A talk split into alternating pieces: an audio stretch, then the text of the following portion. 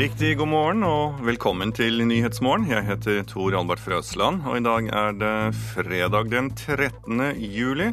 Du får trå varsomt ut i verden dersom du mener det er knyttet ekstra fare eller spenning til denne dagen. Men her i Nyhetsmorgen skal du i alle fall få høre mer om situasjonen i Syria, forsinkelser i flytrafikken og at det nye regjeringskvartalet tar form på tegnebrettet. Regjeringen har ansvaret for flykaoset denne sommeren. Det mener opposisjonen. Tusenvis av flypassasjerer skal dra på ferie i helgen og kan bli forsinket pga. mangelen på flygeledere. Nå må regjeringen rydde opp, det sier Bård Hoksrud, som er andre nestleder i transport- og kommunikasjonskomiteen for Fremskrittspartiet. Nei, Det er samferdselsministeren som er øverste ansvarlig, og hun er også generalforsamling for Avinor. Så det er samferdselsministeren som har ansvaret. Og man har nå hatt en rød-grønn regjering i syv år som har hatt alle muligheter til å rydde opp i det forholdet vi nå eh, ser at kommer nok en gang med trøbbel med flygeledere. Eh, SAS fra Trondheim den er litt forsinka. Videre Slik har situasjonen vært de siste dagene. Mannskapsmangel blant flygelederne har ført til store forsinkelser i flytrafikken. Nå mener opposisjonen at regjeringa må rydde opp. Regjeringa på si side viser til at det neste år skal være nok flygeledere, og til stortingsmeldinga om Avinor som kommer til neste vår. Transportpolitisk talsmann i Høyre, Øyvind Halleraker, er heller ikke nøyd. Dette er en handlingslammet regjering. Stortingsmeldingen om Avinor får vi annethvert år, så det er jo en, eh, mer en løypemelding. Jeg forventer nå at man tar helt andre grep. Frp og Bård Hoksrud peker også på at regjeringa har visst om denne mangelen i flere år. De burde sørga for å utdanne flere flygeledere på et mye tidligere tidspunkt. De burde også se på andre muligheter. Det går an å være kreativ. Vi vet at det finnes eh, flygeledere ute i Europa som man kanskje kunne tatt inn for å bøte på den situasjonen vi nå står i. Vi ser at andre land har eh, startet en oppmyking i forhold til å konkurranseutsette denne type virksomhet, og det tror vi kan være en god løsning også i Norge. Halleraker forventer at regjeringa også tenker langsiktig. Statssekretær i Samferdselsdepartementet Lars Erik Bartnes sier at de først må se på situasjonen i dag. Det Problemet i, i dag er at det er ubemanna eh, vakter. Da handler det om å skaffe flere flygeledere, eh, få flygeledere til å bemanne de vaktene. Konkurranseutsetting eller ikke vil jeg ikke ha løst det eh, problemet. Eh, problemet er ikke hva selskapet heter, problemet er at vi mangler flygeledere. Han mener at regjeringa har gjort nok. Regjeringa arva et problem eh, mangel flygeledere når vi overtok eh, for noen år siden. Det tok vi tak i umiddelbart. Vi har utdanna så mange flygeledere årlig som det overhodet er mulig å utdanne. Eh, I 2008 mangla vi 70 flygeledere. I år mangler vi 13 flygeledere. Neste år er vi à jour. Reporter her, det var Tone Gullaksen. Rundt 8000 charterturister har pakket seg klare til å dra fra Stavanger lufthavn Sola i dag. Og der er også du reporter Marte Kindevåg. Kommer de seg av gårde? Det ser sånn ut, altså. Det har uh, gått uh, rimelig greit for seg. Ikke noe kø i sikkerhetskontrollen uh, eller noe sånt. Stig Jone Nevland, du er fungerende lufthavnsjef her på Sola. Og det merkes ikke noe her at det er mangel på flygeledere? Nei, hører det gått voldsomt greit. Jeg har vært tidlig ute i dag. Og jeg sitter og ser på alle fly har tatt av tre-fire minutter før den tiden de skulle. Så alt har foregått normalt på Solheim. Er det, det er mange, det er over 8000 som skal ut og, og, reise i dag. Det er mange? Ja, det er mye folk. og det er noe sånn at det er mye som skal ut tidlig på morgenen. og Så får du lite, kanskje litt opphold igjen for en halvtime eller time. Eh, og Nå ser du på terminalen nå at nå er den rimelig full igjen. og, det, og Så var det mindre folk for, for en halvtime siden. Men det er ingen forsinkelser eller noen problemer i dag? Nei, ut ifra Sola så er det ingen forsinkelser. Tvert om. Flyene tar som regel av to-tre minutter eh, før tida. Ingenting er bedre enn det? Nei, ingenting. Det at de reisende kommer seg av gårde på den tida de skal, og kommer seg ut og kommer seg ned til, til det landet de skal, det er jo kjempe for oss som, som operatør. Der er, der er, nå har vi sagt at det er mange charterturister som skal ut og reise i dag. Og det er òg flere nå enn det det har vært eh, i fjor.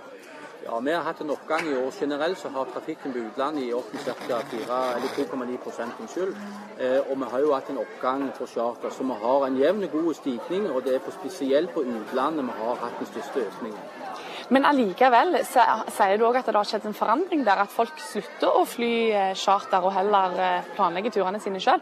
Ja, jeg vet ikke akkurat om de slutter å fly charter, men vi ser jo det eh, av reisemønster. At det er nok flere som reiser ned over til Europa eller Syden, hva det må være, som, som, bruker rutefly. Og vi ser jo det at det har vært selskapet setter mer og mer opp faste ruter eh, ned til Syden.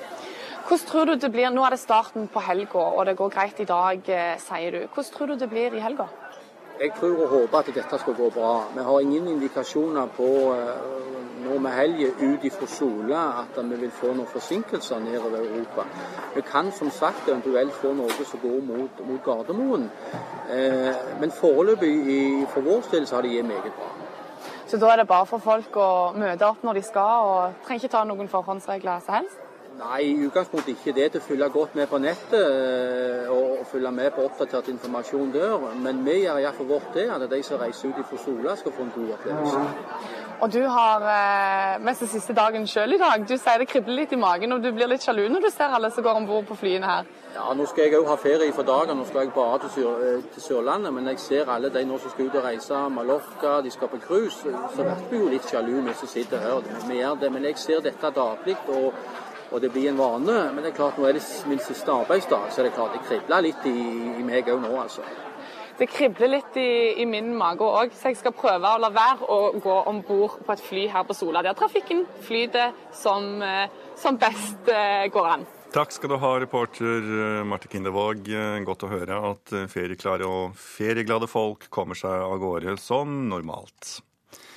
Da skal vi høre at terskelen for politikere til å varsle Politiets sikkerhetstjeneste PST om trusler på e-post og internett har blitt langt lavere.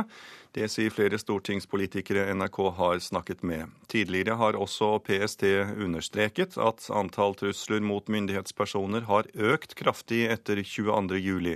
Flere av politikerne mener at kvinnene er ekstra utsatt for slike trusler trusselen når den ble retta, kom direkte mot meg. Men jeg opplevde ikke det som en reell trussel som jeg følte at jeg ble redd over.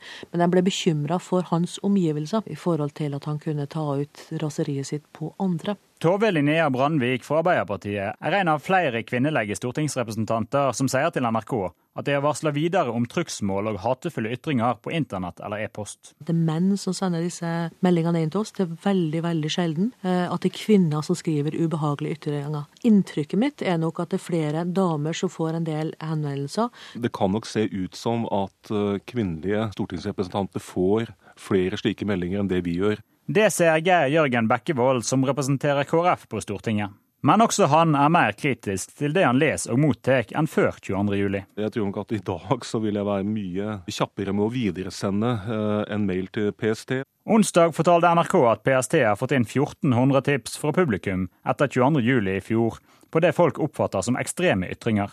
I sin årlige trusselvurdering understreker PST at tallet på trugsmål mot politikere og andre i ledende samfunnsstillinger har økt vesentlig etter terrorattakene, og at personer som tidligere har kommet med trugsmål, har blitt mer ekstreme. Vi ser at det har vært en utvikling på hans blogg i å bli mer og mer ekstrem. Det var òg forklaringa da politiet i Bergen for ei uke siden fengsla den antifeministiske bloggeren Eivind Berge for det de mener er klare oppfordringer til drap på politifolk. Hvis det er slik at um disse antifeministene går løs på våre kvinnelige stortingsrepresentanter, eh, så er det ikke bare trist, men det er også et fare for demokratiet. Tidligere så har vi valgt å slette en del mail istedenfor å varsle videre om at de kom inn.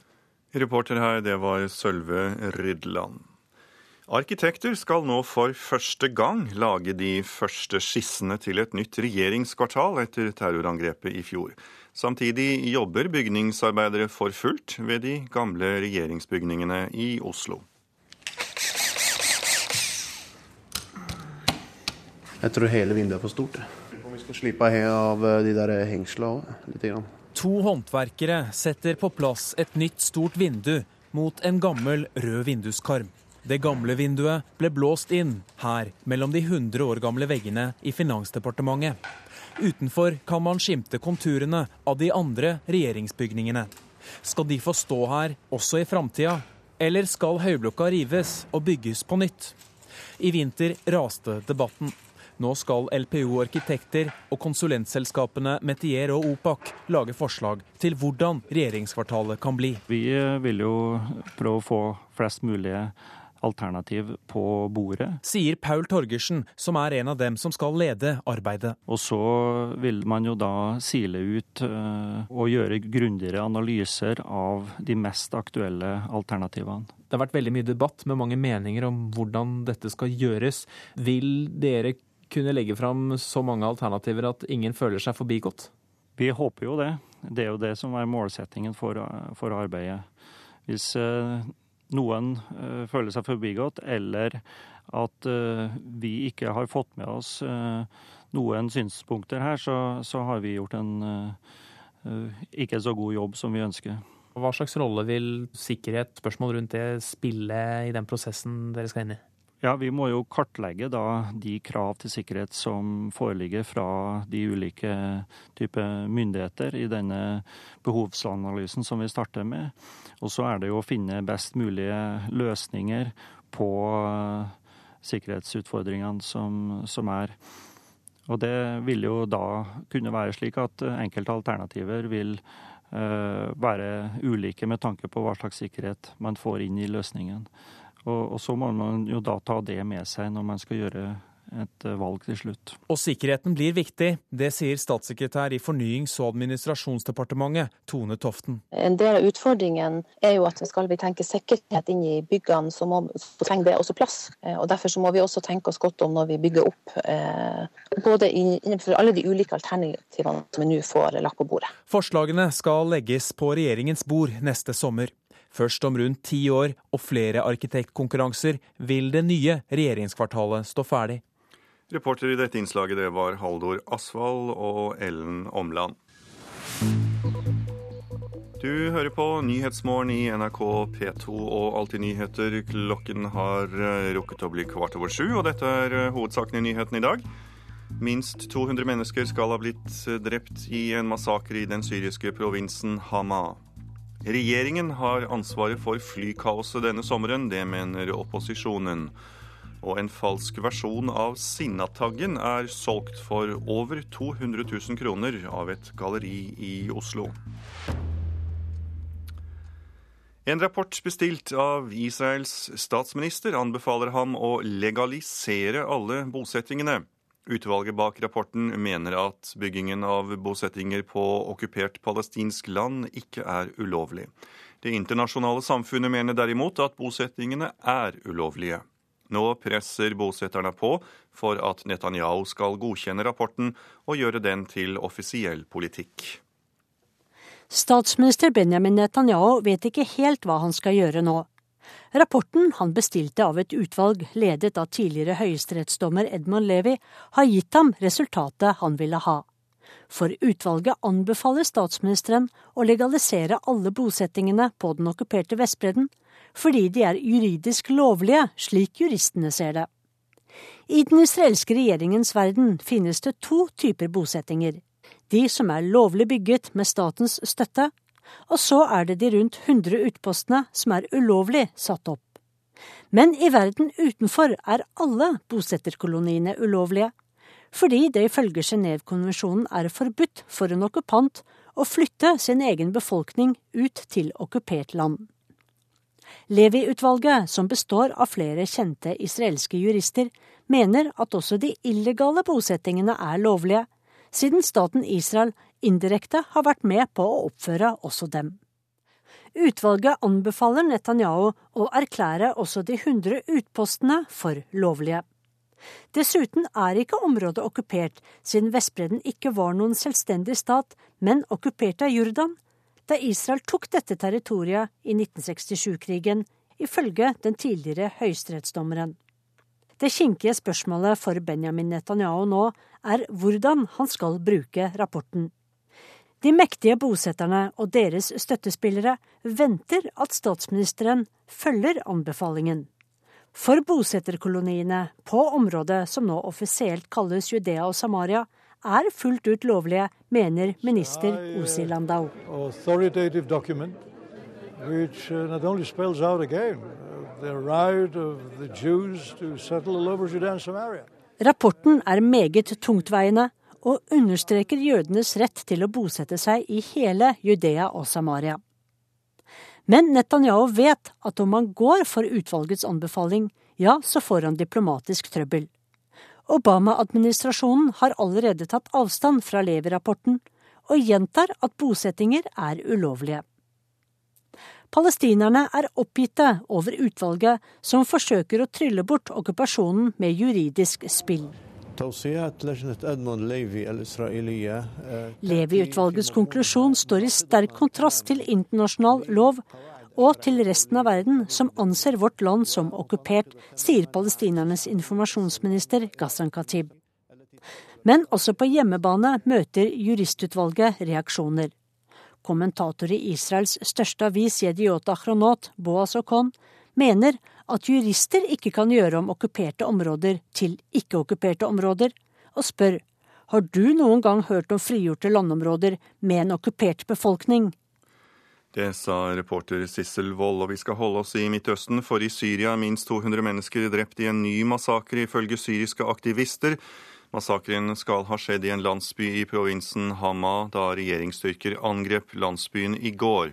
Midtøsten-korrespondent Sigurd Falkenberg Mikkelsen, du er med meg fra Syrias hovedstad Damaskus.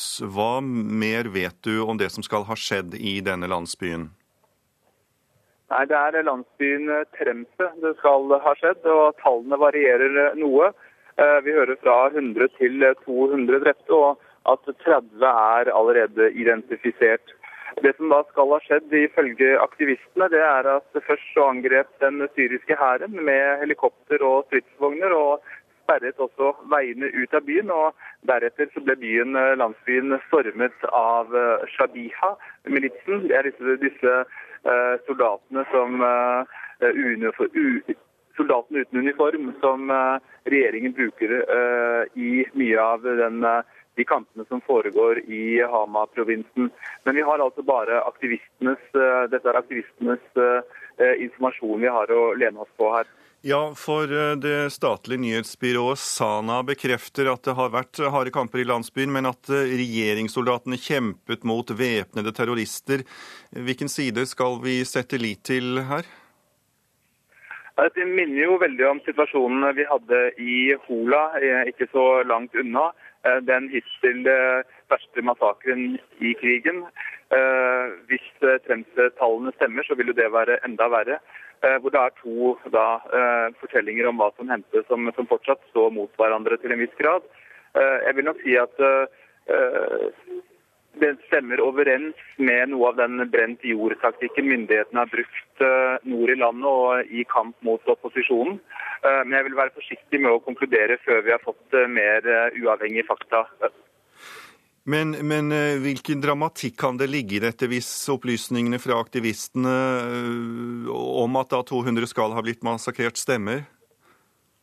Det er klart at dette er en ny dramatisk utvikling. og Det gjør det jo enda vanskeligere og viktigere å få til en å få framdrift i den politiske prosessen.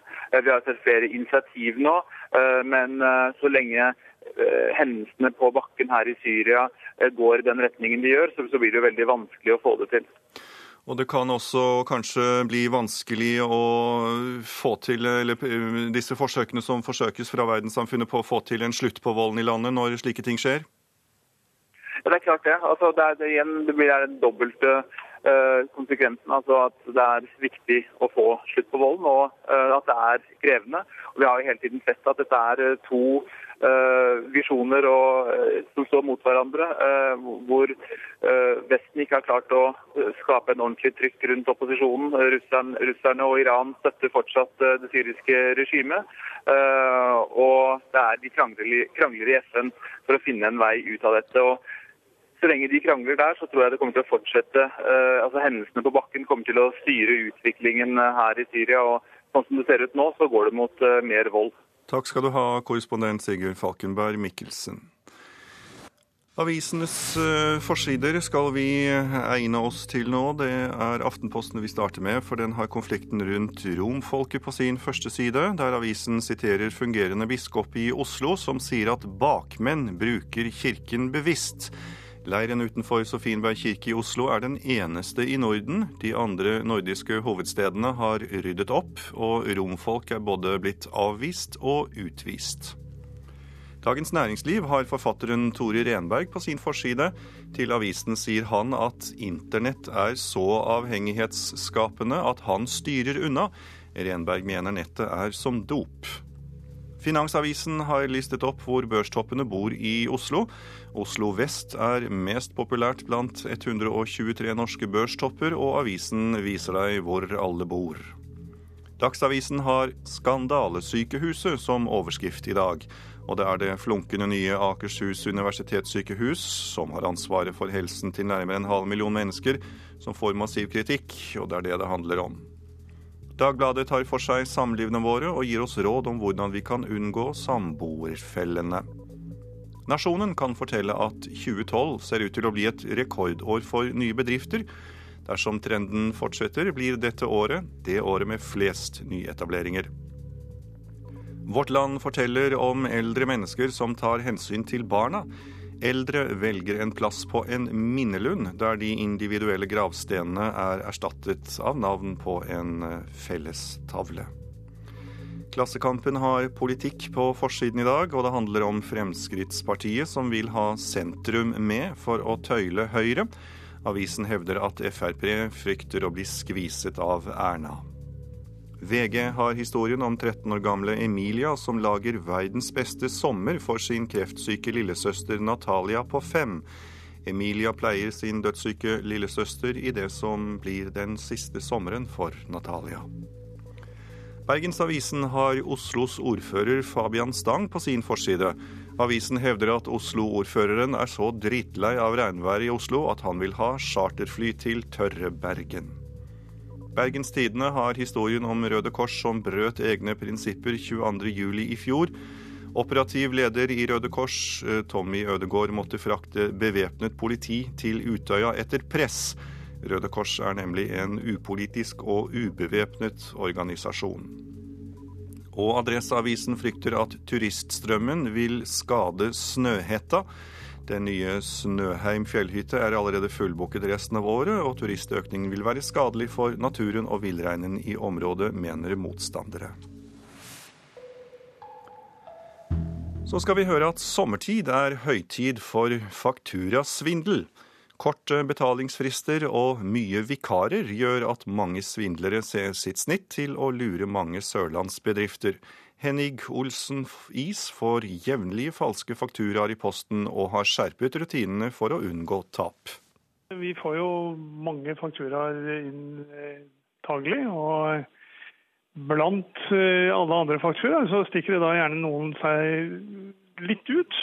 Chris Voss, marketingdirektør ved Henning Olsenis, har allerede i 2012 opplevd fire forsøk på fakturasvindel. Da er det rett og slett en faktura som, som eh, har et beløp, gjerne på en 1200-1300 euro, til et uh, firma som har uh, Det varierer litt navn på det, men, men har, gjerne noe med trademark i navnet.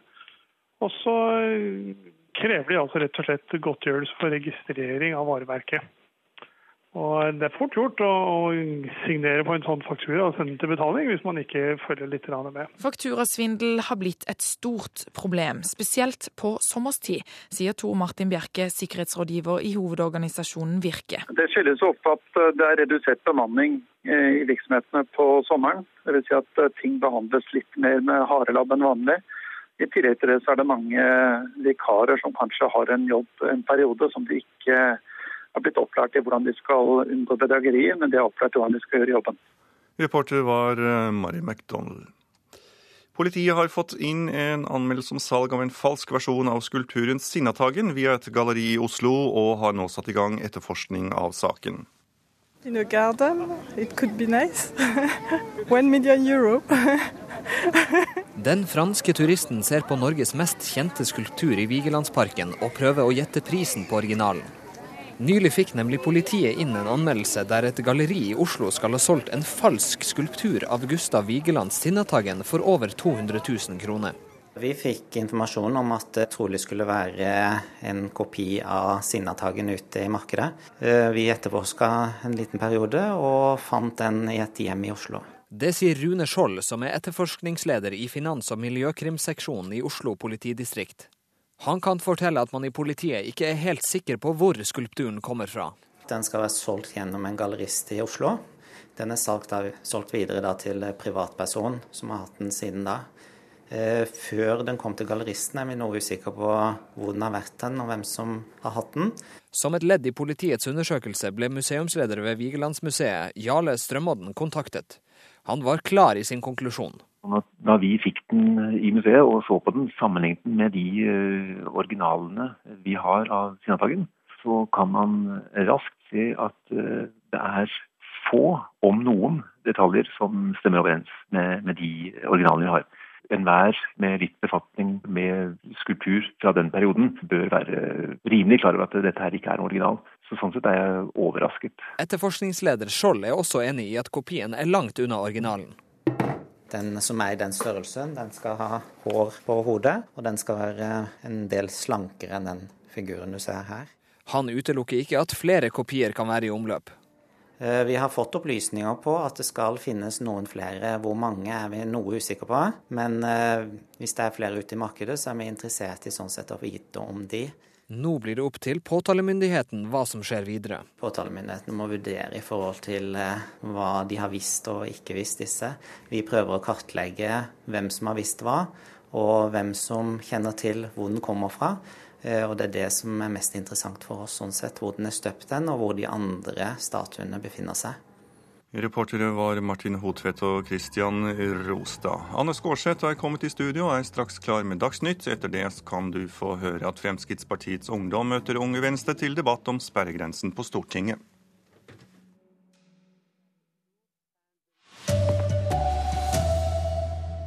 Ny massakre i Syria. 200 mennesker, de fleste sivile, kan være drept. Regjeringen har ansvar for flykaoset i sommer, mener opposisjonen. Og store mannskaper har lett etter niåring i Drammenselva i hele natt. Her er NRK Dagsnytt, klokka er 7.30.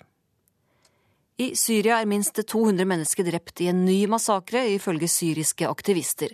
Massakren skal ha skjedd i en landsby i provinsen Hama, da regjeringsstyrker angrep byen i går.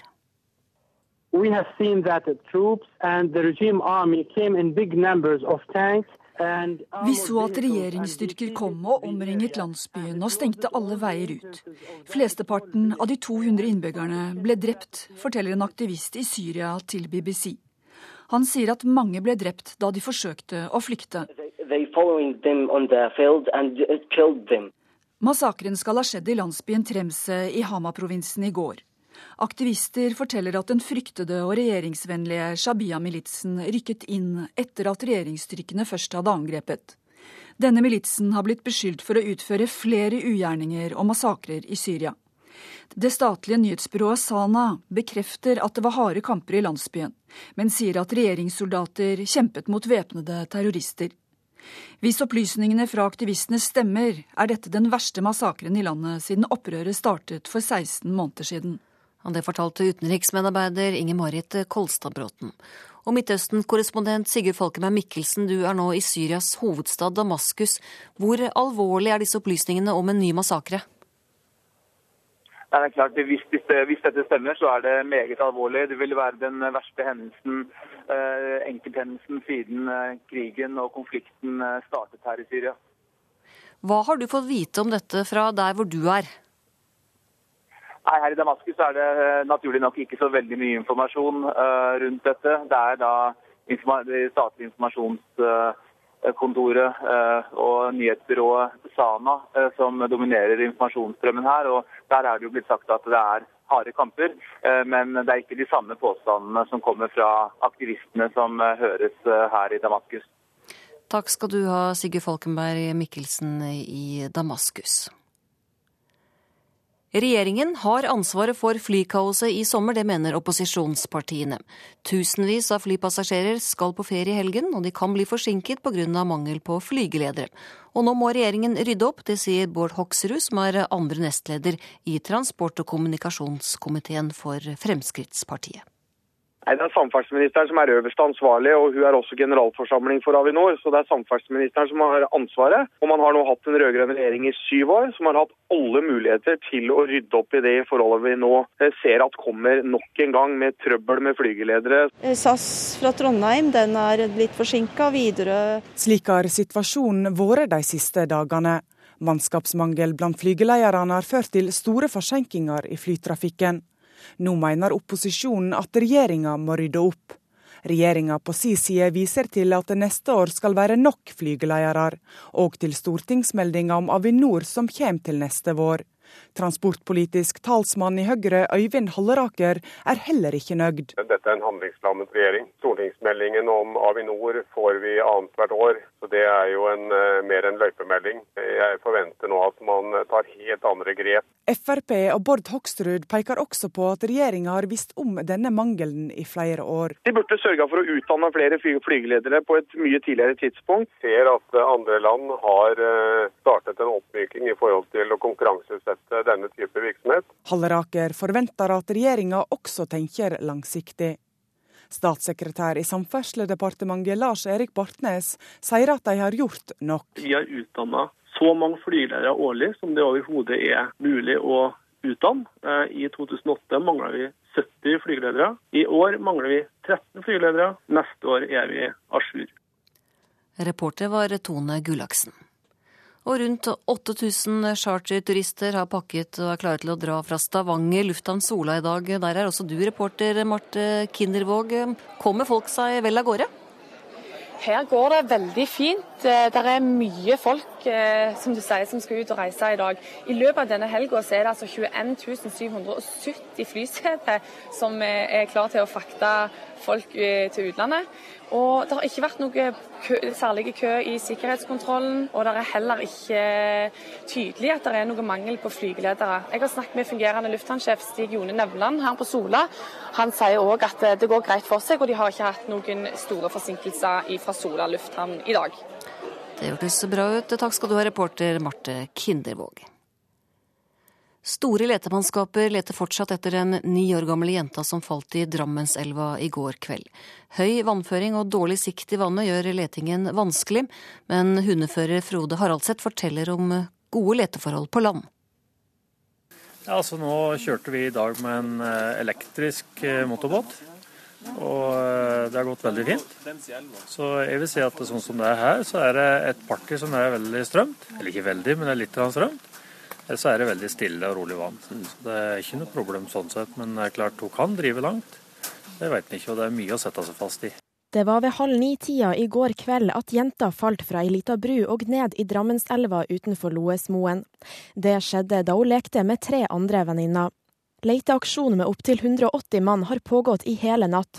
Nå reduseres styrken, forteller operasjonsleder Tor Stein Hagen i Søndre Buskerud politidistrikt. Noe av dette er nå dimittert, og vi sitter igjen med nå hvor vi skal begynne å kjøre søk fra klokka ni med 50 nye mannskaper fra Røde Kors, som skal eh, grovs, finsøke nå det området som de har grovsøkt langs elvebredden. Reporter Katrine Humberseth. Arkitekter går nå i gang med å lage de første skissene til nytt regjeringskvartal etter terrorangrepet i fjor. Samtidig jobber bygningsarbeiderne for fullt ved de gamle regjeringsbyggene i Oslo.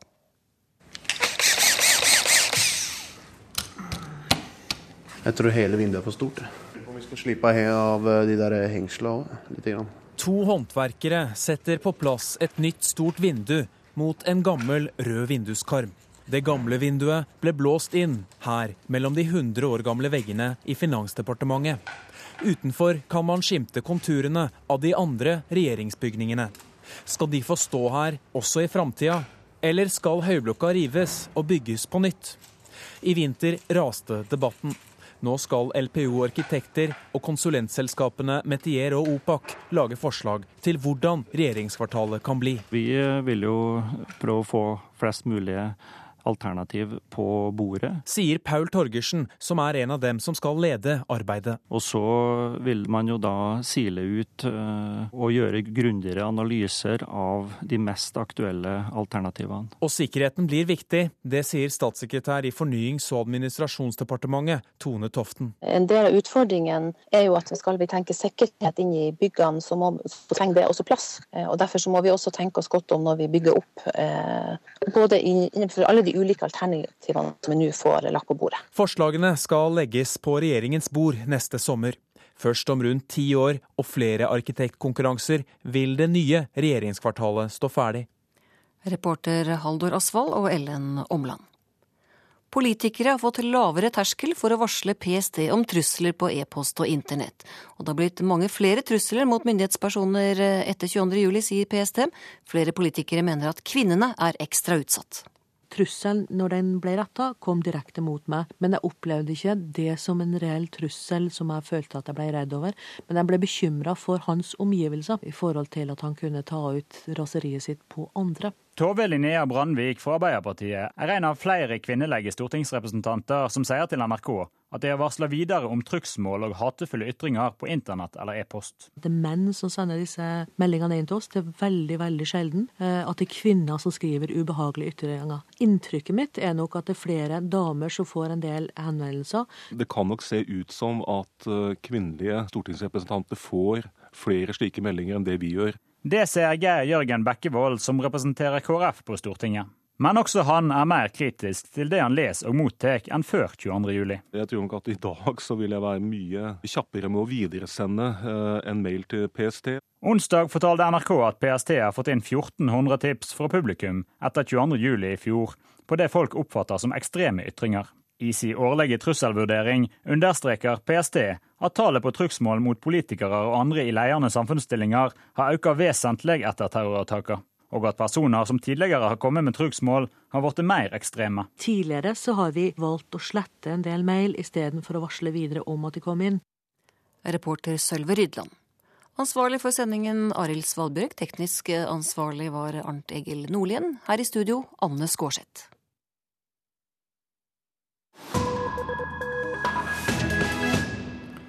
Her i Nyhetsmorgen så skal du nå få høre at Sør-Sudan har alle forutsetninger for å bli et kornkammer i den østlige delen av Afrika, men nå trues landet også av matmangel. Etter stansen i oljeproduksjonen for et halvt år siden har ikke den nye nasjonen lenger valuta til å importere all den maten som innbyggerne trenger, og som landet kunne ha dyrket selv. Det rapporterer vår Afrika-korrespondent Lars Sigurd Sunnanå fra Sør-Sudans hovedstad Juba. Det ble jublet, sunget og danset da Sør-Sudan markerte sin ettårsdag som selvstendig nasjon tidligere i denne uken. Men feiringen og begeistringen kunne ikke sammenlignes med de euforiske gledesscenene som utspant seg 9.7 i fjor, da uavhengigheten og løsrivelsen fra Sudan var et endelig faktum.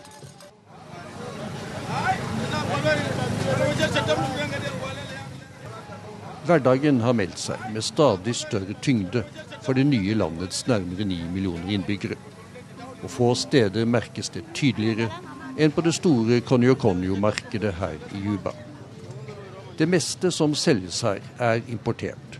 Sør-Sudan er blitt Ugandas største eksportmarked. Til og med grønnsakene kommer over grensen fra nabolandet i sør. Og det er hovedsakelig kvinner og menn fra Uganda som står for salget. Grønnsakshandleren Mary Oniola er en av dem. These days, these days the business is very poor because of taxation. Uh, dollar rate is very high. That is the most important thing in our business. And now things are too expensive in the market. Det går dårlig med forretningene nå om dagen, sier hun. Vi skattlegges hardere, og kursen på dollar går stadig opp. Nå er varene her blitt altfor dyre. De er det for folk flest i Juba og ellers i den nye nasjonen. Prisstigningen har løpt løpsk. I mai lå inflasjonen i Sør-Sudan an til å bli 30% på årsbasis. I juni viste tallene 80% Galoppen har fortsatt også denne måneden. Uansett hvem vi spør på Konjo-Konjo-markedet, Svaret blir det samme som vi får fra Rafi Sadiq. Alt blir bare dyre, og dyrere. Men hva skal en gjøre? The market always is uh, going uh, very expensive. Yeah. Uh, then what shall we do? Anything is, is going very expensive. Problemet er det sørsudanske pundet. Det blir mindre og mindre verdt i takt med inflasjonen som går i taket. Eksportøren av mat og andre varer krever derfor betaling i dollar, noe som det blir mindre og mindre av i Sør-Sudan, siden landets oljeproduksjon ble stanset for et halvt år siden som et ledd i konflikten med Sudan, den gamle erkefienden i nord. Og når det ikke importeres nok mat over grensen fra Uganda, går prisene på det som kommer inn, i været, i tråd med reglene for tilbud og etterspørsel. Det er blitt så dyrt å kjøpe mat nå at flere humanitære organisasjoner varsler en kritisk situasjon for store deler av befolkningen i tiden fremover. Og det i et land som har alle forutsetninger for å bli et kornkammer for hele regionen, påpeker Janna Hamilton. Hun jobber for den britiske hjelpeorganisasjonen Oxfam i Juba. If you, you spend some time in this country and you, you head out into the, into the countryside and the rural villages, you'll see that the land is incredibly fertile. There's good rainfall in, in some parts of the country. Om du blir her en stund og drar ut på landet til landsbyene, vil du se at jorden er utrolig fruktbar, og at det er rikelig med nedbør, sier hun. Sør-Sudan har virkelig et enormt potensial i jordbrukssektoren. Men i øyeblikket står landet likevel overfor sin verste matkrise siden fredsslutningen med Sudan i 2005. Mangelen på mat blir svært, svært alvorlig for svært mange, sier hun. Klokken tikker mot kvart på åtte. Du hører på Nyhetsmorgen i NRK P2 og Alltid nyheter, og dette er hovedsakene i dag. Minst 200 mennesker skal ha blitt drept i en massakre i den syriske provinsen Hama. I Oslo kan det bli meldeplikt for tiggere. Politifolk går av med pensjon, men hopper rett over i andre stillinger, samtidig som politietaten sliter med rekruttering. Nå skal det dreie seg om sperregrensen på Stortinget. Den er i dag på 4% Sperregrensen er den oppslutningen et parti må ha for å kunne få utjevningsmandater til Stortinget, noe som er svært viktig for små partier. Fremskrittspartiets Ungdom vil heve sperregrensen fra dagens nevnte 4% til 5% Leder i FrPU, Himashu Gulati, velkommen. Hvorfor vil du heve sperregrensen? Ja, La meg først få slå fast noe jeg tror både Sveinung og jeg er enig i, nemlig at vi skal ha en sperregrense. Spørsmålet jeg stiller, er hvor det er best at sperregrensen ligger. For Jeg mener det er uheldig at et parti med kun 4% av befolkningen i ryggen kan få en uforholdsmessig stor makt på resten av Stortinget når man ser på dets egentlige størrelse. Men hvorfor akkurat 5 uh, Gulati, hvorfor akkurat 5% Vil det utgjøre en spesielt stor forskjell? At, uh, jeg hørte deg litt dårlig, kan du repetere det en gang til? Ja, jeg spurte om uh, hvorfor akkurat 5% Vil det utgjøre noen spesielt stor forskjell fra dagens 4% ja, Man vil ikke kunne eh, hindre alle scenarioer hvor svært små partier havner eh, på vippen. og Det er heller ikke et mål, men jeg tror det gjør Stortingets sammensetning litt mer i tråd vi hører deg litt bitte grann dårlig, Hisham Gulati, så vi skal prøve å få kontakt med deg på annet vis. I mellomtiden så skal jeg snakke litt med leder i Unge Venstre, Sveinung Rotevatn, for du er også med oss. Syns du det er en eh, flott og god idé dette Fremskrittspartiets Ungdom vil, nemlig å heve sperregrensen fra 4 til 5 jeg syns det er en, en, dårlig idé. Jeg må få lov til å minne om at vi har ei, ei ganske høy sperregrense i Norge allerede på, på 4% eh, F.eks. i vårt naboland i Danmark er den bare på 2 eh, og Europarådet anbefaler at en har en sperregrense på ca. 3 eh, Hvorfor er dette viktig? Jo, fordi at jo høyere sperregrense du har, jo vanskeligere er det jo for nye opposisjonspartier å etablere seg, f.eks. Altså, hvis du hadde hatt en veldig høy sperregrense i Norge, så kunne det f.eks. vært vanskelig for, for Frp eh, i sin tid å komme inn på Stortinget. Eh, det at du har høy sperregrense, fører jo også til at velgerne får etter mitt syn mindre makt eh, ved stemmeseddelen. fordi at det er jo ikke likegyldig eh, styrkeforholdet mellom SV og Arbeiderpartiet i en rød-grønn regjering f.eks., eller mellom Venstre og Høyre i en borgerlig regjering. Men da kan velgerne gi uttrykk for hva koalisjonen de vil gi styrke. Hvis du bare har en masse store parti som du vil få med ei høy sperregrense, så er det interne partieliter og fraksjoner i de store partiene som i mye større grad avgjør hva den konkrete politikken i regjering blir. Og Det syns jeg er mindre demokratisk enn at velgerne får velge hvem de vil gi styrke eh, ved en stemmeseddel på valgdagen. Hisham eh, Gulati, Sveinung Rotevatn sier at det kan føre til mindre makt ved å heve sperregrensen. Er ikke det noe å ta med seg? Nei, Jeg er egentlig uenig i den eh, påstanden. For som nevnt så er jeg enig i at vi skal ha en sperregrense. Men hvorfor er nettopp da 4 eh, det riktige nivået? Eh, også Fremskrittspartiet satt på 80-tallet med kun to mandater på Stortinget, men hadde en uforholdsmessig stor maktinnflytelse fordi vi satt på vipen. Og Jeg mener at det er uheldig for demokratiet at da et parti med en svært liten andel av befolkningen i ryggen sitter og får en uforholdsmessig stor innflytelse sammenlignet med den størrelsen de egentlig har. Så jeg tror at Hvis man hever sperregrensen til f.eks. 5% så reduserer man sjansen for den type situasjoner, og at Stortingets sammensetning da blir litt mer i tråd med det den største delen av befolkningen faktisk har stemt på. Rotevatn, øh, hvis den skulle heves, så kan jo Stortinget bli mer styringsdyktig dersom det blir færre partier? Jeg har ikke inntrykk av at Stortinget er så lite styringsdyktig i dag. Vi har tvert imot et veldig stabilt eh, partisystem i Norge, et veldig stabilt storting. Og hva som er uforholdsmessig mye makt eh, Jeg vet ikke helt om noen føler at, at eh, SV og Senterpartiet f.eks. har uforholdsmessig mye makt i forhold til det Arbeiderpartiet har i, i dagens regjering.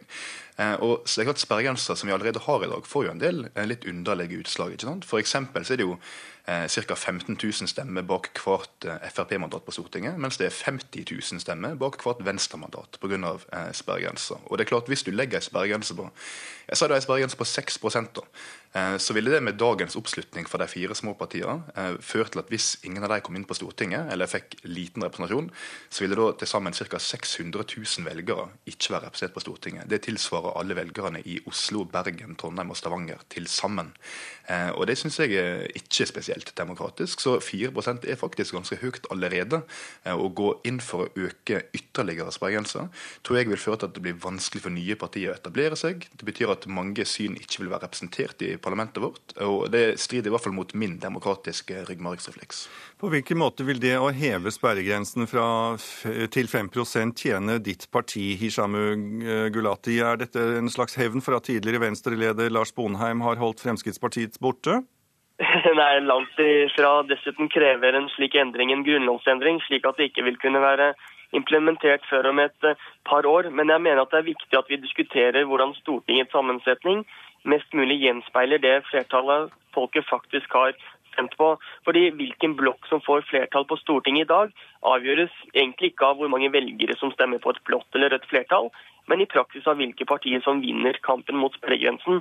Når vi da har fire partier som mer eller mindre balanserer på sperregrensen, så er det veldig små variasjoner i oppslutningen til de små partiene som avgjør hva slags regjering man får, og ikke hvilke blokker som egentlig får flest stemmer i antall. Takk skal du ha, leder i Fremskrittspartiets Ungdom, Hisham Gulati, og også deg, leder i Unge Venstre, Sveinung Rotevatn. Da skal vi høre at det kan bli meldeplikt for tiggere i Oslo. Byrådet vurderer nå å innføre meldeplikt, selv om de ikke får unntak for eh, kakelotterier og bollesalg til Operasjon Dagsverk. Oslo bystyre har tidligere vedtatt meldeplikt, men fikk ikke lov å innføre den av Politidirektoratet, fordi man ikke kan innføre meldeplikt for tiggere og samtidig unnta andre former for pengeinnsamling. Etter all oppmerksomheten som har vært rundt romfolket ved Sofienberg kirke, er byrådsleder Stian Berger Røsland likevel på glid. Jeg er som sagt skeptisk til eh, å byråkratisere Operasjon Dagsverk og, og bollesalg på Karl Johan. Men eh, dersom dette nå fortsatt skulle utarte seg eh, og bli et enda større problem, så er det klart at vi også må revurdere våre syn. Det sier byrådsleder Stian Berger Røsland. I fjor sommer vedtok bystyret meldeplikt for tiggere.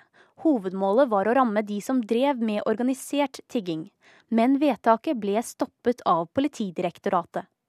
Grunnen er at Oslo ikke kunne innføre en meldeplikt for tiggere og samtidig unnta andre former for pengeinnsamling. Fra Oslos side var det et ønske om at man skulle forsøke å unngå eh, voldsom byråkratisering av eh, skolekorpsenes kakelotteri og Operasjon Dagsverks bollesalg. Det er veldig lite problem, og jeg har ikke hørt at noen protesterer høylytt over dette. Ikke byråkratisk i det hele tatt. Det er veldig enkelt. Det sier politioverbetjent Jørn Solsvik i Hordaland politidistrikt. De har i flere år hatt meldeplikt for tiggere. Å Komme inn og melde seg, det er ikke noe unaturlig å gjøre det. Og Da får vi navn og, og fødselsdata på vedkommende. Da er de registrert. Det, tigging og, og den slags er jo tillatt, men vi vil vite om det. Vi må bare ta til etterretning at uh, kravet fra statlige myndigheter er at vi skal uh, ha en sånn uh, byråkratisering. Og så får vi vurdere om det likevel er noe vi får leve med i Oslo. Selv er jeg litt skeptisk, men det er klart at dette kommer til å bli en diskusjon også nå. Reporter var Marianne Holden. Mange politifolk pensjonerer seg når de er 57 år, men fortsetter i arbeidslivet i helt andre stillinger. Samtidig sliter flere politidistrikter med å få tak i nok politifolk, og de er langt unna målsetningen om to politifolk per 1000 innbygger. Leder i justiskomiteen Per Sandberg fra Fremskrittspartiet mener høyere pensjonsalder ville ha bedret situasjonen. Men Kristen Olav Grøttebø, tidligere lensmann i Årdal i Sogn, ønsket å gjøre noe nytt da han fylte 57. Nei, jeg føler meg ferdig med den tiden. Jeg føler meg ferdig med politiet. Etter 36 år bytter Kristen Olav Grøttebø ut politiuniformer med rød hydrokjeledress, hvit hjelm og vernebriller. Som 57-åring vil han gjøre noe annet enn å være lensmann. Det å være politi, det kan være slitsomt. Og med sine særaldersgrenser kan politifolk alt etter tjenestetid og sted gå av når de er 57 år gamle. Jeg eh, nærmer meg 58 og hadde full opptjeningstid, slik at jeg kunne gå av med, med min pensjon. Og det valgte jeg å gjøre. Samtidig er det tverrpolitisk semje om at en i 2020 skal ha to politifolk per 1000 innbygger. For ett år siden hadde en bare 1,5. Ja, nei, Jeg har jo sagt det i lenge tid at det er sløsing med ressurser. At, eh, at vi slipper så kompetent politifolk ifra oss så tidlig. Sier leder i justiskomiteen Per Sandberg fra Fremskrittspartiet. Han mener høyere pensjonsgrense ville gjort det enklere å nå målsettinga om flere politifolk. Ja, uten tvil. Det er flere som går av enn det vi hadde beregna. Og det er klart at Greier vi å få politiet til å stå én, to, tre år ekstra jobb, så er det klart at det vil gjøre den totale situasjonen mye bedre frem mot 2020. Lederen i Politiets Fellesforbund, Arne Johannessen, sier særgrensene er der av en grunn. For Det er ikke sånn at eh, du kan sette alle som kommer til en viss alder til kontorarbeid. Du er avhengig av at politiet går vakt, turnus, kan rykke ut med våpen, kan rykke ut til eh, vanskelige oppdrag. Og Da er det vanskelig å ha en høy aldersgrense for eh, den type arbeid. Og Det er Stortinget sin vurdering. Og Grøttebø vet om mange kollegaer som har pensjonert seg, og som velger å holde fram i arbeidslivet, bare ikke som politi. Ja, jeg kjenner ganske mange. Til og med fra mitt kull så er det mange i, i Bergen, og noen har egne firma. Noen driver med etterforskning i private firma, noen kjører buss, andre kjører trailer. Som de kanskje har hatt lyst til å gjøre hele veien, men så, når de da har muligheten til å pensjonere seg, så, så realiserer de den, den tanken de har hatt. Tall fra rapporten Politiet mot 2020 syner at 233 politifolk kan gå av med pensjon i år. Hadde den nedre pensjonsgrensa vært 62 år for alle, hadde under halvparten hatt denne muligheten i år. Arne Johannessen sier det er uaktuelt å endre særaldersgrensene. Altså, Vi vil eh, gjerne diskutere positive virkemidler for å få folk til å jobbe lenger, men vi vil selvsagt bevare den retten retten som folk har til å slutte på en eh, gitt alder. Til høsten henger Grøttebø fra seg hydrokjeledressen for godt. Da er det ingen ny jobb som venter på pensjonisten. Akta nå når jeg blir 62 i høst og, eh, og slutter å jobbe. Da skal det bli hobbyer. Da blir det musikk og maling og bilder. Da er du helt ferdig, det er du sikker på? Nei, jeg er jo ikke sikker. Altså, Jeg føler meg jo ganske oppegående fortsatt. Eh, men det får tiden vise. Reporter var Eva Marie Felde. Værvarselet nå, og det gjelder frem til midnatt. Langfjella for enkelte regnbyger, i kveld stort sett opphold. Fjellet i Sør-Norge unntatt Langfjella, regnbyger, lettere vær i kveld. Østlandet fra i ettermiddag sørvestlig liten kuling, regnbyger utrygt for torden. Nær kysten færre byger og perioder med sol. Telemark og Agder Fra i ettermiddag sørvestlig liten kuling øst for Lindesnes. Enkelte regnbyger, utrygt for torden. I Agder og nær kysten i Telemark få eller ingen byger og perioder med sol. Rogaland og Hordaland enkelte regnbyger, vesentlig i indre strøk. Lokal tåke i Hordaland, perioder med sol. Sogn og Fjordane enkelte regnbyger og lokal tåke. Møre og Romsdal regn eller regnbyger, lokal tåke, lettere vær i ettermiddag. Trøndelag utrygt for torden i grensetraktene, fra i ettermiddag enkelte regnbyger. Helgeland, Saltfjellet, Salten og Ofoten enkelte regnbyger, stedvis noe sol og utrygt for torden. Lofoten og Vesterålen stort sett oppholdsvær og perioder med sol, i kveld litt regn. Troms og Finnmark enkelte regnbyger, vesentlig i indre strøk av Troms og på vidda. Perioder med sol, stedvis tåkeskyer på kysten av Øst-Finnmark. Nordenskjøld land på Spitsbergen får stort sett opphold og stedvis noe sol. Så er det morgentemperaturene, og de ble målt for en snau time siden. Svalbard lufthavn fem grader. Kirkenes ti. Vardø ni.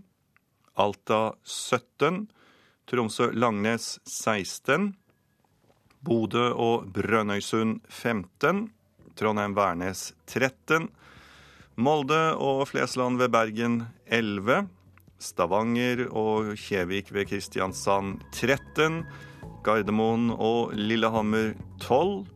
Røros 10. Og Blindern i Oslo hadde 14 grader klokken 7. Ansvarlig for sendingen denne morgenen, han heter Arild Svalbjørg. Produsenten heter Silje Katrine Bjarkøy. Teknisk ansvarlig Arnt Egil Nordlien. I studio Tor Albert Frøsland.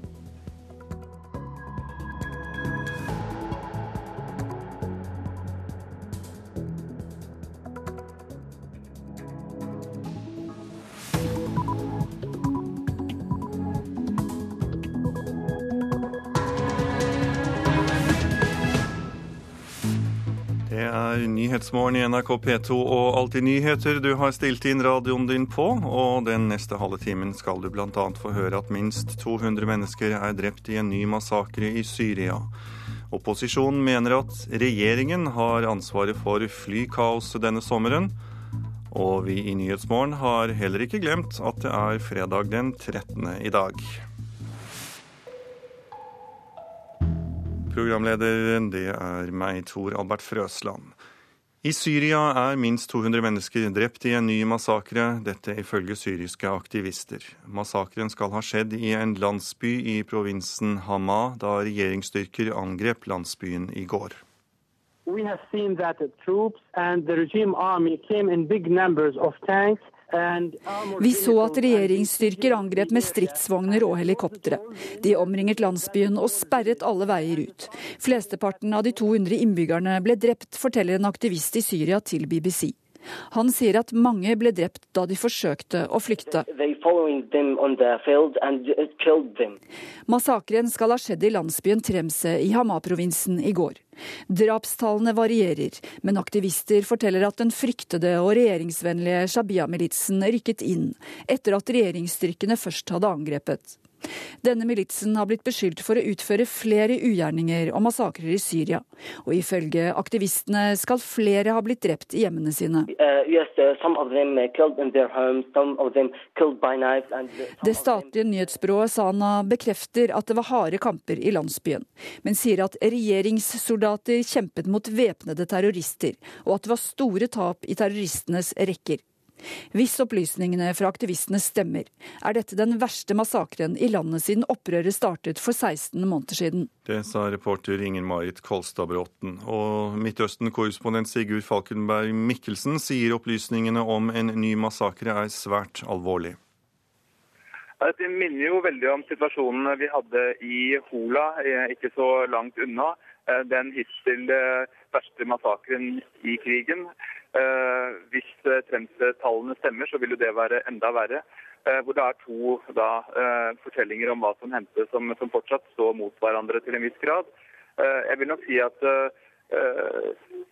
det stemmer overens med noe av den brent jord-taktikken myndighetene har brukt nord i landet og i kamp mot opposisjonen. Men jeg vil være forsiktig med å konkludere før vi har fått mer uavhengige fakta.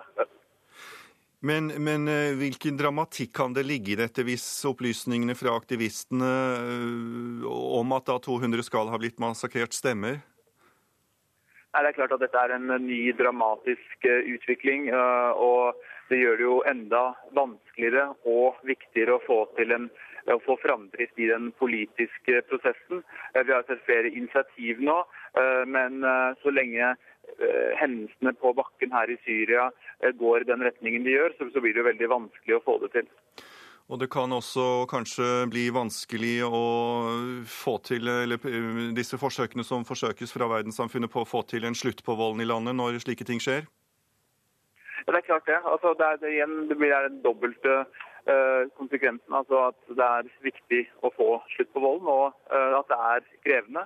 Og vi har jo hele tiden sett at dette er uh, to Eh, visjoner eh, som står mot hverandre, eh, hvor Vesten ikke har klart å skape en ordentlig trykk rundt opposisjonen. Russerne, og Iran støtter fortsatt det syriske regimet.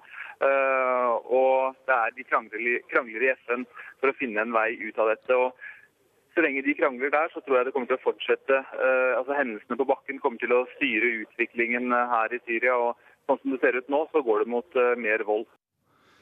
Da skal vi høre at store letemannskaper fortsatt leter etter den ni år gamle jenta som falt i Drammenselva i går kveld. Politiet frykter at hun er omkommet. Reporter Shetan Rashtogi, du er med meg. Hva mer kan du si? Nei, akkurat nå så har redningsmannskapene tatt en uh, liten pause. Jeg står jo ved elva og ser rett over mot øya, uh, hvor hun jenta altså Det er en bro som går rett over mot øya, og det er der hun har falt ned. Eh, akkurat nå så ser jeg på venstresida mi at eh, det er noen fra Røde Kors som går ut i vannet. Der har de satt nett på den ene sida ved brua, og på den andre sida. De mener at hun er her, eh, at hun kan ligge under vann her, i et lite avgrenset område. Akkurat nå så er det bare fire-fem stykker som går rundt langs elva og leter. De starter klokken ni igjen. Da er det 50 mann fra Røde Kors og fire dykkere som skal ut igjen. Og, og det er jo litt vanskelig for det er høy vannstand og dårlig sikt og mye strøm i elva som gjør at det er litt vanskelig å finne henne. Du sier at eh, det er spent opp et nett, for eh, letemannskapene mener at hun kan ligge på et konkret område. Hvorfor mener de det? De mener at hun kan ligge på et konkret område fordi hun har eh, falt ned fra brua der.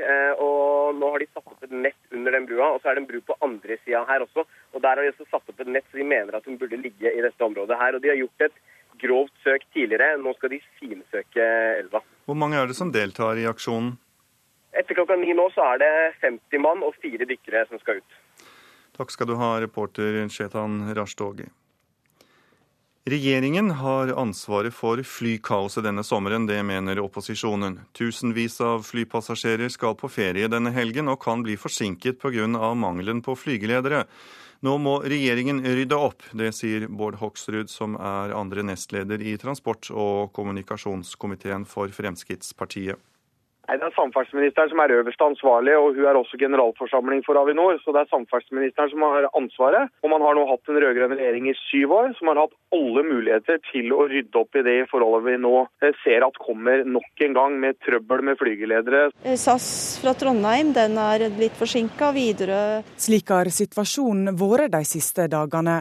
Mannskapsmangel blant flygelederne har ført til store forsinkelser i flytrafikken. Nå mener opposisjonen at regjeringa må rydde opp. Regjeringa på si side viser til at det neste år skal være nok flygeledere, og til stortingsmeldinga om Avinor som kommer til neste vår. Transportpolitisk talsmann i Høyre, Øyvind Halleraker, er heller ikke nøyd. Dette er en handlingslammet regjering. Stortingsmeldingen om Avinor får vi annethvert år, så det er jo en, eh, mer en løypemelding. Jeg forventer nå at man tar helt andre grep. Frp og Bård Hoksrud peker også på at regjeringa har visst om denne mangelen i flere år. De burde sørga for å utdanne flere flygeledere på et mye tidligere tidspunkt. Vi ser at andre land har eh, startet en oppmyking i forhold til å konkurranseutsette denne type virksomhet. Halleraker forventer at regjeringa også tenker langsiktig. Statssekretær i Samferdselsdepartementet Lars Erik Bartnes sier at de har gjort nok. Vi har utdanna så mange flygeledere årlig som det overhodet er mulig å utdanne. Eh, I 2008 mangla vi 70 flygeledere. I år mangler vi 13 flygeledere. Neste år er vi à jour. Reporter det var Tone Gullaksen. Dagens sperregrense ved stortingsvalg bør heves for å fjerne de minste partiene. Det mener leder i Fremskrittspartiets Ungdom, Himanshu Gulati. Fire partier har i hele vår kjempet mot sperregrensen på meningsmålingene, og Gulati frykter at de vil få altfor mye makt i forhold til hvor mange som støtter dem. Eh, også Fremskrittspartiet satt på 80-tallet med kun to mandater på Stortinget, men hadde en uforholdsmessig stor uh, maktinnflytelse fordi vi satt på vipen. vippen. Og jeg mener at det er uh, uheldig for demokratiet at da et parti med en svært liten andel av befolkningen i ryggen sitter og får en uforholdsmessig stor innflytelse sammenlignet med den størrelsen de egentlig har. Som er en veldig stor krets. Ja, og da skal vi til Venstres valgvake. Sperregrensen kan være brutal. Jeg eh, må bare si at jeg syns dette er forferdelig trist. Lars Bonheim måtte gå tilbake over fjellet i 2009, da Venstre kom under 4% i stortingsvalget. Da satt partiet igjen med kun to representanter, som ble direktevalgt fra sitt fylke. Leder i Unge Venstre, Sveinung Rotevatn, advarer mot å røre sperregrensen. Jo høyere sperregrense du har, jo vanskeligere er det jo for nye opposisjonspartier å etablere seg, f.eks. Altså, hvis du hadde hatt en veldig høy sperregrense i Norge, så kunne det f.eks. vært vanskelig for, for Frp eh, i sin tid å komme inn på Stortinget. Eh, det at du har høy sperregrense, fører jo også til at velgerne får etter mitt syn mindre makt eh, ved stemmeseddelen. Fordi at det er jo ikke likegyldig styrkeforhold styrkeforholdet mellom SV og Arbeiderpartiet i en rød-grønn regjering f.eks., eller mellom Venstre og Høyre i en borgerlig regjering. Men da kan velgerne gi uttrykk for hva koalisjonen de vil gi styrke. Hvis du bare har en masse store parti som du vil få med ei Eh, høy sperregrense, så er det interne partieliter og fraksjoner i de store partiene som i mye større grad avgjør hva den konkrete politikken i regjering blir. Og Det syns jeg er mindre demokratisk enn at velgerne får velge hvem de vil gi styrke eh, ved en stemmeseddel på valgdagen. På hvilken måte vil det å heve sperregrensen fra, til 5% tjene ditt parti, Hishamu eh, Gulati? Er dette en slags hevn for at tidligere Venstre-leder Lars Bonheim har holdt Fremskrittspartiets borte? Nei, langt ifra. Dessuten krever en slik endring en grunnlovsendring, slik at det ikke vil kunne være implementert før om et eh, par år. Men jeg mener at det er viktig at vi diskuterer hvordan Stortingets sammensetning mest mulig gjenspeiler det flertallet folket faktisk har stemt på. Fordi Hvilken blokk som får flertall på Stortinget i dag, avgjøres egentlig ikke av hvor mange velgere som stemmer på et blått eller rødt flertall, men i praksis av hvilke partier som vinner kampen mot sperregrensen. Reporter her, det var Bjørn Myklebust. De aller fleste av de 56 kommunene som mistet innbyggere 22.07, får egne minnesmerker. 57 kommuner har fått tilbud om minnesmerke, 52 har takket ja. Hadsel i Nordland er en av de første kommunene i landet som får på plass minnesmerke. Erika Holst, som mistet sin 15 år gamle datter på Utøya, synes det er viktig at det reises minnesmerker. Det er det verste som har skjedd eh, på norsk jord etter andre verdenskrig. Og det må ikke gå i glemmeboka. Jeg er veldig eh, glad og stolt at Mo i Rana eh, og kommunen har vært med på å sette opp minnesmarkeringen. Det er en to meter høy skulptur i granitt laga av kunstner Nico Widerberg, som skal plasseres i de fleste av de 56 kommunene som mista innbyggere 22.07. Mange kommuner som Rana, Vefsn, Sortland og Bodø i Nordland venter til etter skolestart med å få på plass og avduke minnesmerkene. På Melbu i Hadsel skal skulpturen avdukes ved kirka allerede nå på fredag ettermiddag av ordfører Kjell Børge Freiberg. Det er veldig mange som har behov for å bearbeide ting etter det som skjedde 22.07. Eh, og så vil minnesmerket også stå der som en påminnelse eh, i forhold til det tragiske som har skjedd. Ettårsdagen for tragedien 22.07 faller på søndag. Anka Holst på Mo skal sjøl være hjemme for å gå i kirka og besøke sin datters grav. De fleste andre pårørende reiser til Utøya. Derfor er avdukinga av minnesmerkene lagt til andre dager. På Mo skal fiskeriminister Lisbeth Berg-Hansen avduke minnesmerket 7.9. Det, det er mye verdighet i det. Å komme fra regjeringa for å vise respekt for det som har skjedd, og, og mine, de døde. Det er veldig fint gjort. Reporter her, det var Barbro Andersen.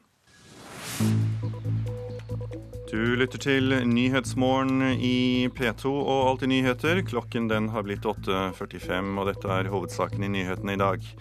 Store letemannskaper leter fortsatt etter den ni år gamle jenta som falt i Drammenselva i går kveld. Politiet frykter nå at hun er omkommet. Det er ufint av Avinor å legge skylden for flykaoset på flygelederne. Det mener flygerne. Hull i vaktlistene har skapt store problemer for reisende så langt i sommer. Og følg med videre, så skal du få høre at det er kraftig, en kraftig økning i tvangssalget av biler.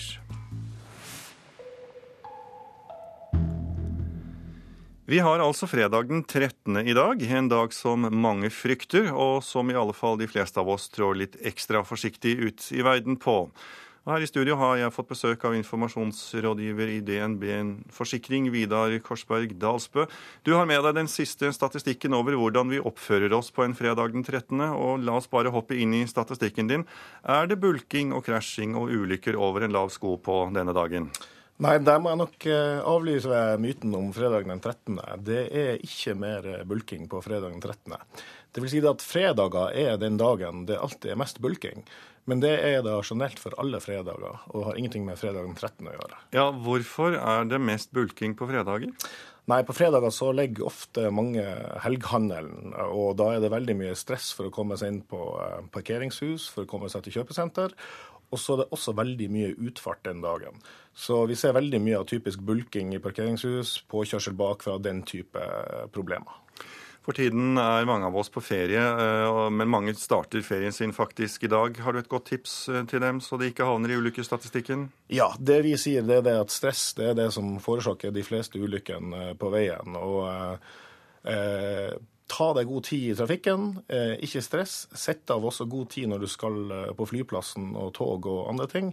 Eh, nå er det jo kraftige ombygginger bl.a. på Oslo S, så det tar litt lengre tid å komme seg til flyplassen. Sett av også ekstra tid når du har flybytte og den type ting, så unngår du problemer. Og hvis du skal på bilferie, så skal du i hvert fall sørge for å ha god aktivitet til barna i baksetet, vil jeg tro? Det er alltid lurt, og da blir turen veldig mye bedre. Hvordan ser vi på fredag den 13.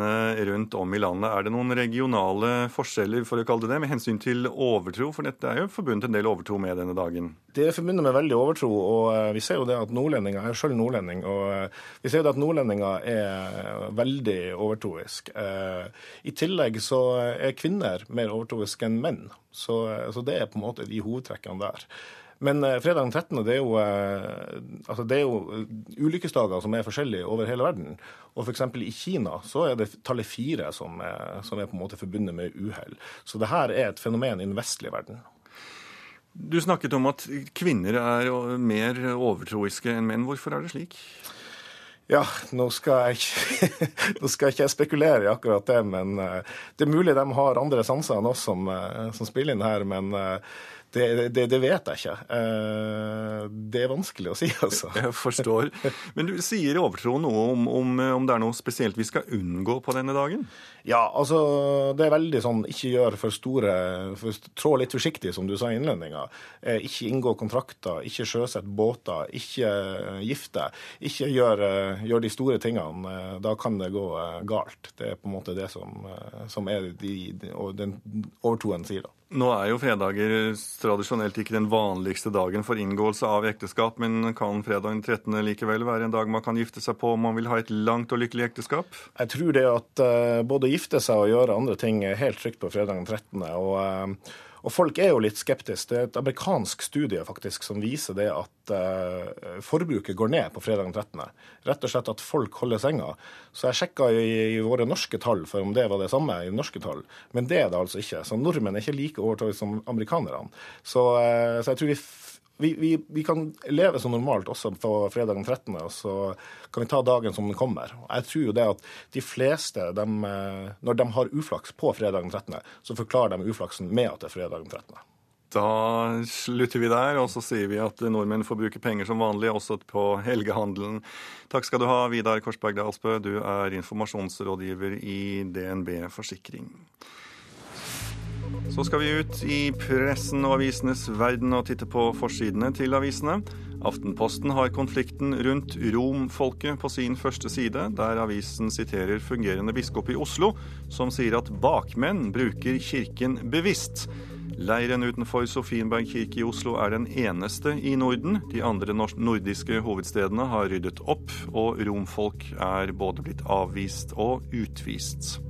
Dagens Næringsliv har forfatteren Tore Renberg på sin forside. Til avisen sier han at internett er så avhengighetsskapende at han styrer unna. Renberg mener nettet er som dop.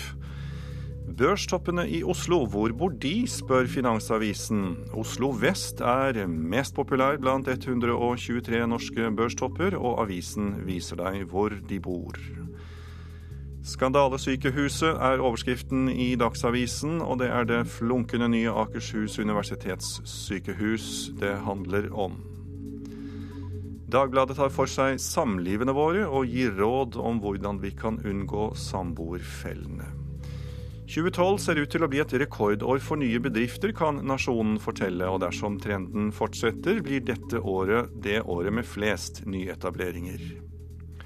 Eldre mennesker ser ut til å ta mer hensyn til barna sine, forteller Vårt Land, for eldre velger en plass på en minnelund, der de individuelle gravstenene er erstattet av navn på en fellestavle.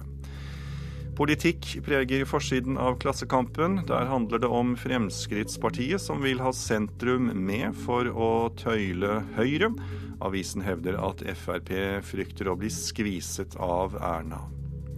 Rørende i historie på forsiden til VG. 13 år gamle Emilia lager verdens beste sommer for sin kreftsyke lillesøster Natalia på fem. Emilia pleier sin dødssyke lillesøster i det som blir den siste sommeren for Natalia. Bergensavisen har Oslos ordfører Fabian Stang på sin forside. Avisen hevder at Oslo-ordføreren er så drittlei av regnværet i Oslo at han vil ha charterfly til det tørre Bergen. Bergens Tidende har historien om Røde Kors som brøt egne prinsipper 22.07. i fjor, Operativ leder i Røde Kors, Tommy Ødegård, måtte frakte bevæpnet politi til Utøya etter press. Røde Kors er nemlig en upolitisk og ubevæpnet organisasjon. Adresseavisen frykter at turiststrømmen vil skade Snøhetta. Det nye Snøheim fjellhytte er allerede fullbooket resten av året, og turistøkningen vil være skadelig for naturen og villreinen i området, mener motstandere. Stadig flere av oss lever over evne og kjøper ting vi egentlig ikke har råd til. Lensmann i Nedre Eiker kommune opplever nå en kraftig økning i biler som må tvangsinndrives og selges for at helt vanlige folk skal få gjort opp forbruksgjelden sin. Folk kommer innom og har store problemer eh, personlig fordi de ikke klarer å betjene gjelden sin. Og vårt råd er at eh, ikke tro at det går over, og ikke skyv det under teppet. Slik høres det ut når porten går opp, og lensmann Toril Sorte i Nedre Eiker viser vei ned i garasjen under lensmannskontoret i Mjøndalen. Foran oss står en mørkeblå Volvo av nyere årgang. Det som er spesielt med denne bilen, er at den nettopp er blitt hentet hjemme hos en privatperson, og deretter tvangssolgt av lensmannen. Vi har jo så stor økning i dette her, og det vi ser på sakene er jo at de som må selge bilen sin, eller som vi må selge bilen for, eh, er vanlige folk som har forbruksgjeld som de ikke klarer å ta hånd om. Utviklinga er begredelig. I Nedre Eiker i år er det hittil blitt tvangssolgt 20 biler. Og det er en dobling fra samme periode i fjor. Og kanskje er det slik at forventningspresset i verdens rikeste land er for høyt. Jeg føler jo noen ganger at man eh, lever over evne fordi man føler en forventning eh, kanskje sosialt og i samfunnet at man skal ha og bør ha og bør gjøre. Jeg tror ikke så veldig mange eh, lever i luksus i form av at man reiser på eksklusive turer og, og sånne ting. men jeg tror at det er den daglige forbruket som er litt for høyt, og at man, eh, det er en forventning til at man skal ha det nyeste av veldig mye. Og dermed lander lensmannen på følgende konklusjon. Vi lever i et kredittkortsamfunn. Ja, det blir jo ofte en mom sirkel, da, fordi man prøver i det lengste å ordne opp gjelda si sjøl. Og når man da kanskje ikke får mer lån i banken, så velger man kanskje kredittkort med dyre renter, og så forfaller de, og så har man ikke pengene da heller. Og så blir det at man tar opp nye kort. Så et kortsamfunn med masse gjeld på er et problem for mange. Og hvor mange kredittkort kan egentlig folk ha? Ja, Det veit jeg ikke. Det er nesten uh, ubegrensa, tror jeg. Lensmann Toril Sorte opplever flere varianter av forbruksgjeld. F.eks. For at eh, foreldrene har garantert for barna sine. Det er ikke særlig lurt hvis du har eh, et barn som ikke er i stand til sjøl å skjønne at man må betale gjelden sin, så kan du fort havne i det uføret at du blir sittende med både kortgjeld og annet som står på deg. Og barn som sliter med gjeldsproblemer pga. foreldrene. Ja, det er jo også foreldre som da kjøper eh, ting eller inngår avtaler som har økonomiske forbindelser i barnas navn. Eh, og hvor barna kanskje nesten ikke er klar over det sjøl. I de fleste kommuner finnes det gjeldsrådgivere som skal hjelpe folk når de f.eks. sliter med å ordne opp i forbrukslånene sine. Spørsmålet er likevel om terskelen er blitt for høy for å oppsøke Nav, som som regel driver med denne rådgivningen. Vi mener jo at det ikke burde være det. Eh, vi mener jo at dette er, en, altså dette er jo en eh, tjeneste som kommunen har overfor sin for sine innbyggere, sin befolkning. Eh, og vi ønsker jo å gjøre den terskelen så lav som mulig, så det burde ikke være sånn. Det sier Nav-sjef i Nedre Eiker, Snorre Oppsal. Likevel tror lensmann Toril Sorte at det er en bøyg for mange å rydde opp i gjelda på egen hånd. Og at det er flaut å legge bilen ut til salgs på finn.no. Ja, det er kanskje noen som føler at det er synlig, da. Men så tenker jeg at en gang så må man bare stoppe opp og tenke at nå må jeg gjøre opp, og så må jeg begynne på nytt igjen. og kanskje få det bedre med seg sjøl etter hvert. Reporter var eh, Bjørn Olav Nordahl. Da er det titt på været som står for tur her, og varslene gjelder eh, frem til midnatt. Langfjella får enkelte regnbyger, i kveld stort sett opphold. Fjellet i Sør-Norge, unntatt Langfjella, får regnbyger, lettere vær i kveld. Østlandet fra i ettermiddag sørvestlig liten kuling, regnbyger utrygt for torden. Nær kysten blir det færre byger og perioder med sol. Telemark og Agder får fra i ettermiddag sørvestlig liten kuling øst for Lindesnes. Enkelte regnbyger utrygt for torden. I Agder og nær kysten i Telemark så blir det få eller ingen byger og perioder med sol. Rogaland og Hordaland får enkelte regnbyger, vesentlig i indre strøk. Lokal tåke i Hordaland. Perioder med sol. Sogn og Fjordane får enkelte regnbyger og lokal tåke. Møre og Romsdal får regn eller regnbyger, lokal tåke, men lettere vær i ettermiddag. Trøndelag utrygt for torden i grensetraktene, fra i ettermiddag enkelte regnbyger. Helgeland, Saltfjellet, Salten og Ofoten enkelte regnbyger, stedvis noe sol, utrygt for torden. Lofoten og Vesterålen får stort sett oppholdsvær og perioder med sol, i kveld litt regn. Troms og Finnmark Enkelte regnbyger, vesentlig i indre strøk av Troms og på vidda. Nordenskjøll eh, på Spitsbergen får stort sett opphold, stedvis noe sol. Morgentemperaturene, og de ble målt klokken sju. Svalbard lufthavn fem. Kirkenes ti. Vardø ni. Alta 17. Tromsø-Langnes 16.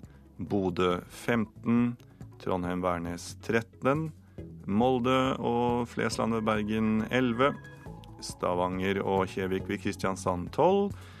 Gardermoen og Lillehammer 12.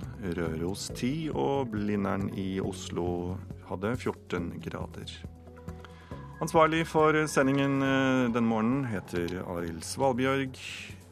Produsent Silje Katrine Bjarkøy. Arnt Egil Nordlien hadde det tekniske ansvaret, og programleder Tor Albert Frøsland.